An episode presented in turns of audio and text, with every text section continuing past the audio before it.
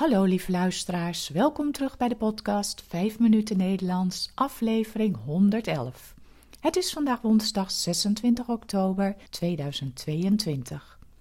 Als je de tekst van de podcast wilt lezen, kijk dan op de website petjeaf.com slash 5 minuten Nederlands. Als je de teksten van eerdere podcast wilt ontvangen of vragen hebt, stuur dan een e-mail naar 5minutennl.gmail.com.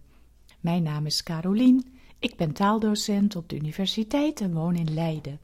In deze podcast vertel ik iets over mijn leven, over wat ik de afgelopen dagen heb beleefd of iets over de Nederlandse taal en cultuur. Aflevering 111. Nog meer fietsen. Het is herfstvakantie deze week. Vorige week in het noorden van het land en deze week in het midden en zuiden. De mensen die in Nederland vakantie vieren, boffen. Het is prachtig herfstweer met hoge temperaturen. Goed weer dus om op de fiets te stappen. Naar aanleiding van podcast 109 over hippe fietsen kreeg ik allerlei vragen binnen over fietsen in Nederland. Daar zal ik dus vandaag wat meer over vertellen. Laten we beginnen. Waarom dragen Nederlanders geen helm op de fiets? Is dat niet verplicht? Nee, dat is niet verplicht, zelfs niet op een racefiets. Er is wel een groeiend aantal mensen dat vindt dat de helm verplicht moet worden, zeker als je op een e-bike fietst. Er gebeuren steeds meer ongelukken waarbij fietsers met hun hoofd op de grond vallen en dus hersenletsel oplopen. Op 20 april jongstleden is de eerste landelijke dag van de fietshelm gehouden. Een initiatief van artsen voor veilig fietsen. Je ziet eigenlijk alleen racefietsers met een helm op en een enkele keer iemand op een e-bike.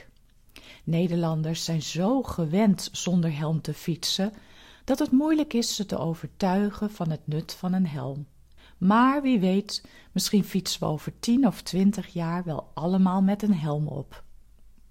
Om het gebruik van de fiets te stimuleren, leggen gemeenten en provincies snelfietsroutes aan. Dit zijn brede fietspaden zonder scherpe bochten en met heel weinig kruispunten of stoplichten. Je kunt op deze snelfietsroutes dus heerlijk doortrappen.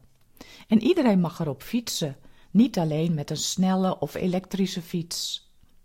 De provincie Zuid-Holland heeft al 110 kilometer aangelegd. En het is de bedoeling dat er in 2030 bijna 4000 kilometer snelfietspad in ons land ligt. Dat wordt lekker fietsen. Hoe leer je eigenlijk fietsen? De meeste Nederlanders leren al heel jong fietsen. Eerst op een fiets met zijwieltjes, zodat je niet om kunt vallen. Als je dan een beetje geoefend hebt en het gaat goed, mogen de zijwieltjes eraf.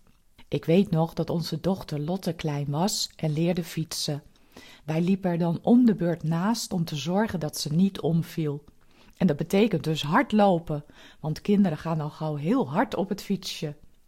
Eerst oefen je op de stoep en als dat goed gaat in een rustige straat. En zo steeds een stapje verder in het verkeer. Als je samen met je kind gaat fietsen, is het handig om je kind voorop te laten fietsen. Dan kun je alles goed in de gaten houden en vooruitpraten is nu eenmaal een stuk makkelijker dan wanneer je steeds achterom moet kijken als je iets wilt zeggen. Deskundigen zeggen dat je niet vroeg genoeg kunt beginnen met de verkeersregels. Zo kun je kinderen van vier jaar al heel goed leren hoe ze veilig een zebrapad moeten oversteken, of wat links en rechts is. Toen Lotte naar de basisschool ging, heb ik haar de eerste jaren altijd weggebracht en opgehaald. Op een gegeven moment mocht ze samen met een vriendinnetje naar school lopen. En toen ze weer wat ouder was, mocht ze met dit vriendinnetje op de fiets naar school. Voor ouders is dat best wel spannend. Je weet dat het goed is om te leren fietsen in het verkeer, maar het is ook heel eng om je kind zo los te laten. En Lotte zelf? Die was reuze trots dat ze alleen op de fiets naar school mocht. Uit recent onderzoek is gebleken dat kinderen steeds minder vaak op de fiets stappen.